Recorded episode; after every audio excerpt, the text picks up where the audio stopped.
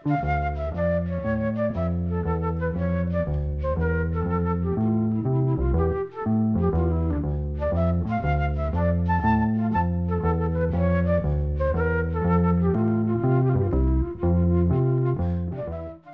sæl.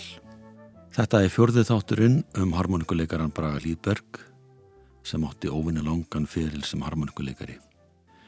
Bragi var ótrúlega merkilugu tónlistamæður sem lit aldrei mikið á sig bera.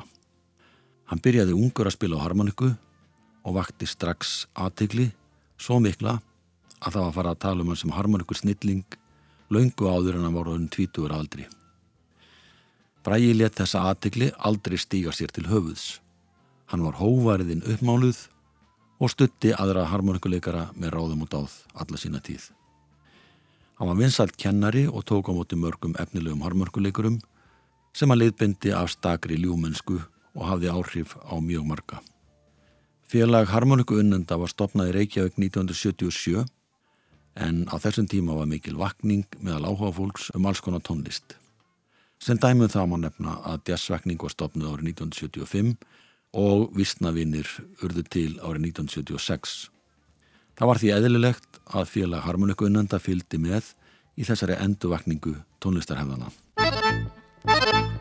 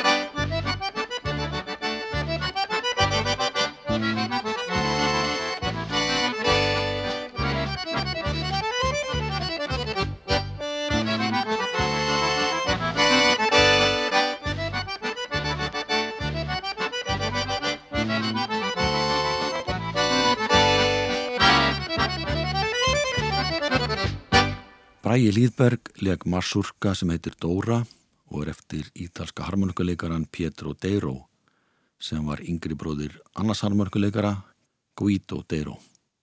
En hann var eitt sá fyrsti sem spilaði á pianoharmoniku. Bræðurni settu spáðir að í bandaríkunum Guido og undan. Hann laði mikla áherslu á skemta fólki, ekki síður hann að sína fingrafimi og teknilega getu. Þegar Pietro Deiro flutti til bandaríkana hafði eldri bróðir hans þá þegar skapað sér nafn þar í landi. Pétró var fljótur að læra á bandarækjumenn og var í hópi þeirra fyrstu sem spiluðin á hljómplutur. Hann skinniði að hljómplatan átti framtíð fyrir sér og hann áttaði sér líka á því að það var mikið þörf fyrir það að gefa át nótur þar sem harmonikutónlist var í öndvegi. Hann stopnaði því sitt eigið nótnótgáða fyrirtæki sem brentaði nótur harmonikulaga og mörg þessara laga seldust vel á nótum. Meðal þeirra nótna sem að nutu hvað mestra vinsalda voru nótum með lögum eftir fórsturna sjálfan, Pétur og Deiró. Þar á meðal er valsinn Silfurbjöllur sem Bræði Líðberg spila nú og með honum eru bassaleikarin Árni Skeving og trommuleikarin Guðmundur er Einarsson.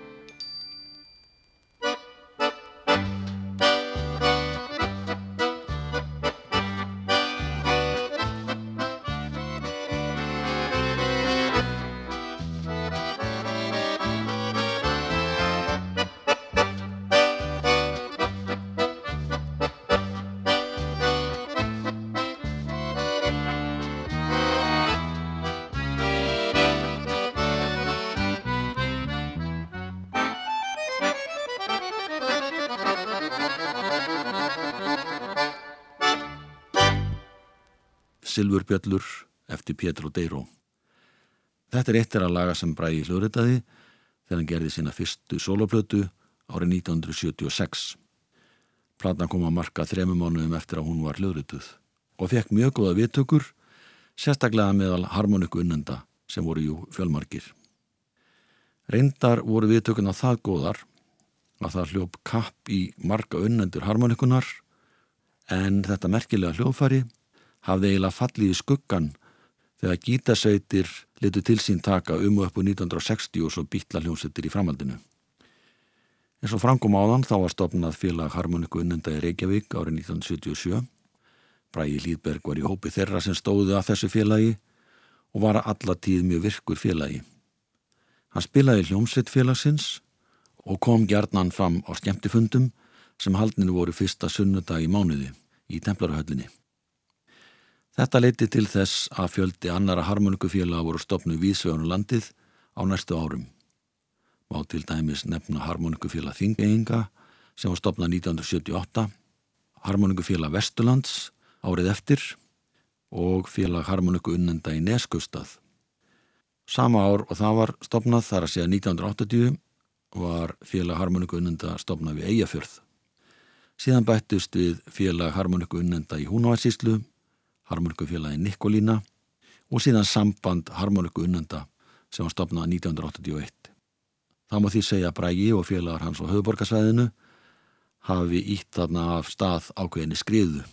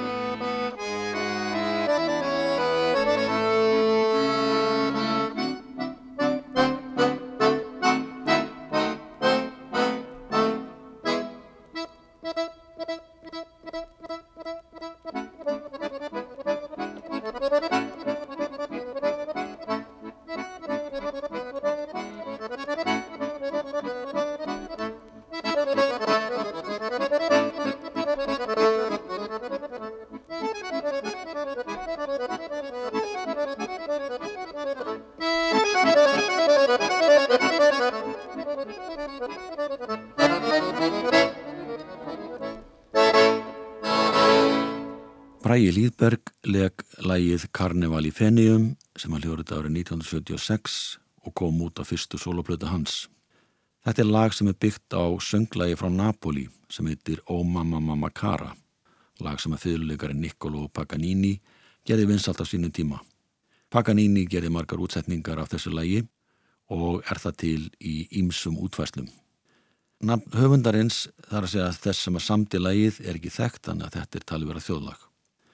En þarna stýndi Brægi hvers hann var megnuðu sem hljófaralíkari. Hann leik sér að því að spila klassíska tónlist, óbyrtusöngva, harmonikulög og hvað eina sem hann þótti áhugavert að glíma við fyrir utan að hann samti þó nokkuð lög sjálfur á setni hluta ferilsins. Við bræðum okkur nú all mörg áraftur í tíman, draugum fram lag sem að sumir hafa talið að væri síkunarsöngur en er skráð líka sem rúsnast þjóðlag. Það heitir á íslensku svörtu augun, var þekkt hér á landi árið 1933 þegar baritónsöngvarinn Elling Ólason söng þennan hljómblutu en Elling lést langt um aldur fram af völdum Bergla árið setna og að tregaða mjög á samferðarfólki sínu. Guðrún á Símonar sóbránsönguna hljóðrita þetta lag 20 árum setna, nánatildegi 1953 og var svo útgáfa ekki síður vinsal en útgáfa Ellings. Þegar Bræi Lýðberg hljóðritaðlegi árið 1976 síndan alla sína bestu liðar, dramatík, ljóðrænu, einstaka næmni og fullkomnatækni.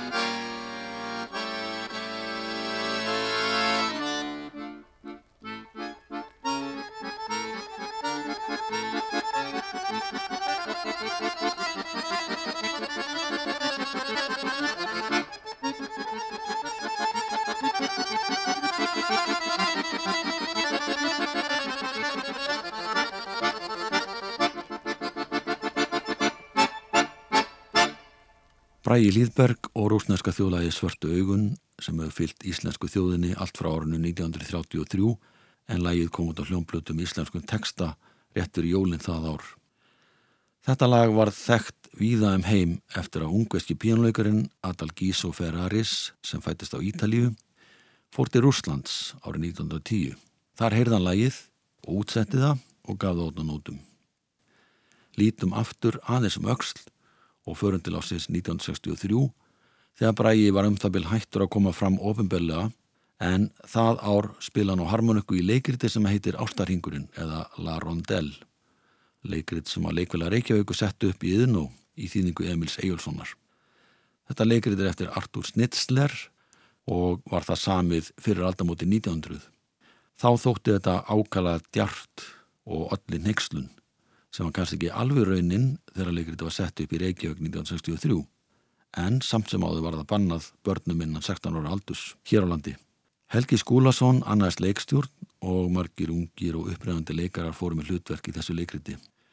Brægi Lýðberg var í eins konar auka hlutverki því hann leik á harmonöku meðal annars í ástaratriði í verkinu og nú tókst það vel að kynnta undir ástriðutnar í þessu atriði og það skilaði sér vel til áhorfenda í salnum.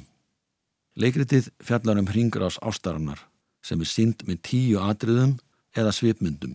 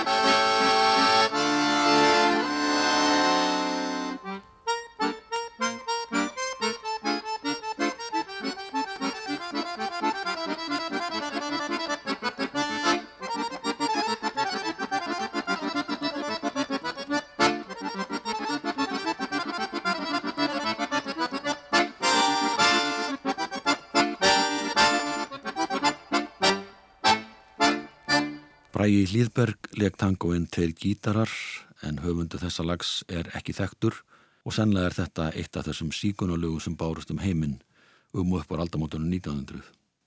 Það var ungvesk ættaði pínuleikarin og tónskáldið Adalgíso Ferraris sem útsetti þetta lag og gaf það út árið 1930 og það var til þess að lagið flög um heiminn og nýtur enn tölverða vinsalda.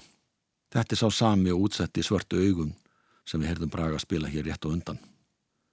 Þegar fyrsta soloplata Braga var gefin út í september 1976 byrtist eftirfærandi auðlýsing í dagblöðum frá Eskja hljómplutum. Harmonikur snillingurinn Bragi Líðberg hefur loks látið verða því að leika inn á tollaða plötu. Er þetta hans fyrsta plata, þó að hann hafi um árabil verið fremsti og kunnasti harmonikuleikar ísnendinga. Á plötunni er að finna létt klassísk lög og þá einnig gömlutansana sem Bræi Hlýðberg leikur að slíkri snilli að fátt stennst samanburð til viðnum líkur. Það liður síðan þrjú ár það til að Bræi gerir næstu plötu, dansa á þorranum og þar spila hann engungu frumsamin harmonikulög.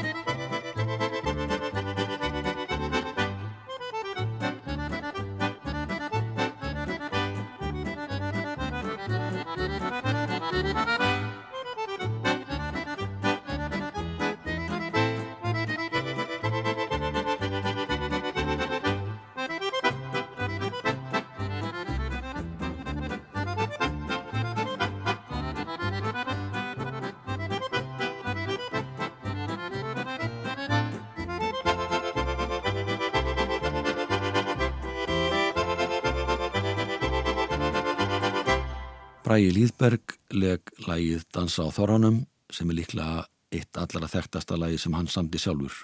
Það kom út á samnendur hljómblötu árið 1979.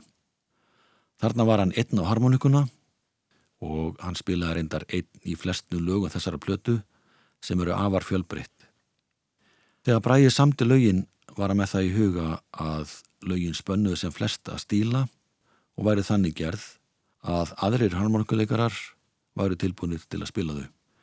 Á blötunni skiptast lögin í polka, valsa, tangoa, ræla, marsúrka og svo er einn vínagrus. Allt vinsali dansar þegar fólk vil dansa gamlendansana. Eitt er að laga sem að þykja bera af öðrum á þessari blötu er valsinn í húsafeldskógi.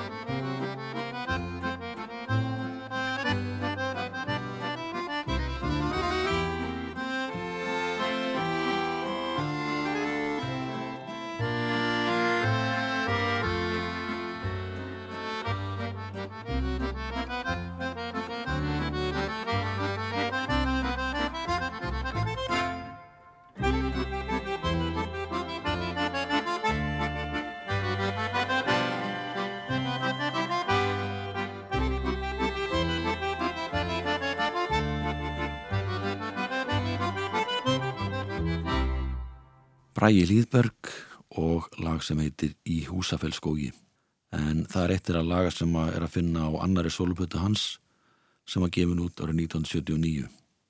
Það er ákveðlega sennilegt að þetta lag hafa orðið til í útilegu þar sem hann og konan hans voru í húsafellskógi en Bræi og Ingrid, eiginkona hans, áttu hjólísi og ferðuðist mikið um landið. Hann var gjarnan með harmonikuna með sér og hún með gítarin.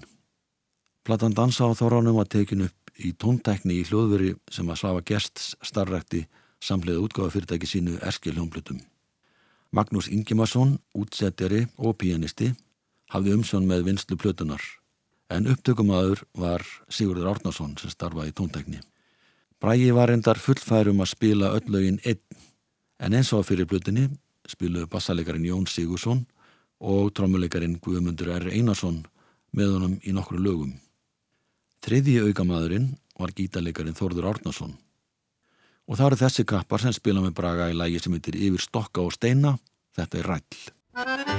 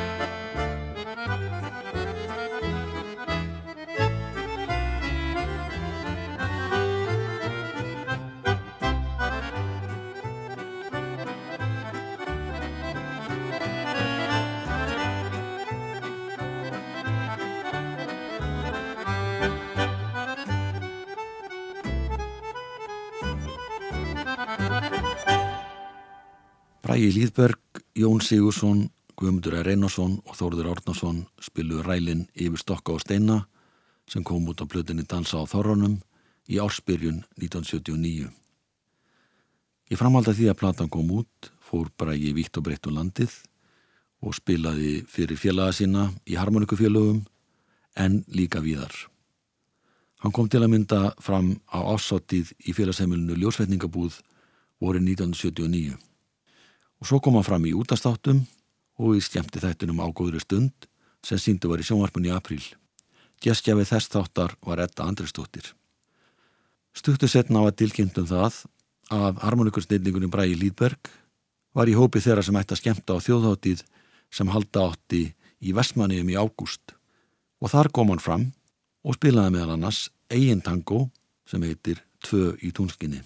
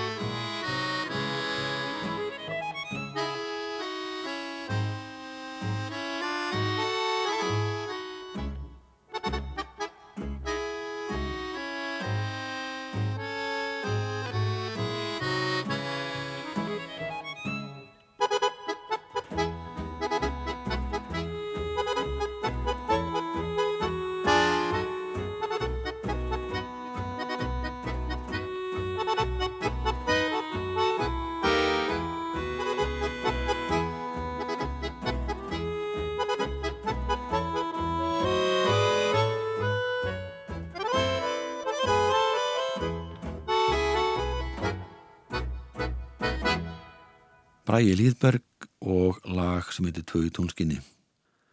Það veit svo enginlega til að það var ekkert fjallað um þessa plötur sem að Bræi Líðberg gerði í samstarfið Sava Gersts.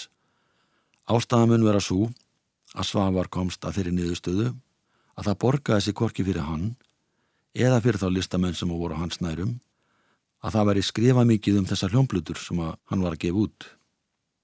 Svavar hætti því að aðfenda bladamunum eindögg af þeim plötur sem hann var með á sínu snærum og gekk aðeins lengra en það því að hann laði blott bann við því að það var í fellað um blötunar í dagblöðum. Þar leðandi er ekki til neyn samtíma skrif um þessa soloputu Braga sem er miður. Við ætlum að ljúka þessum þætti á valsi eftir Braga sem heitir Hlöðupall, verðið sæl.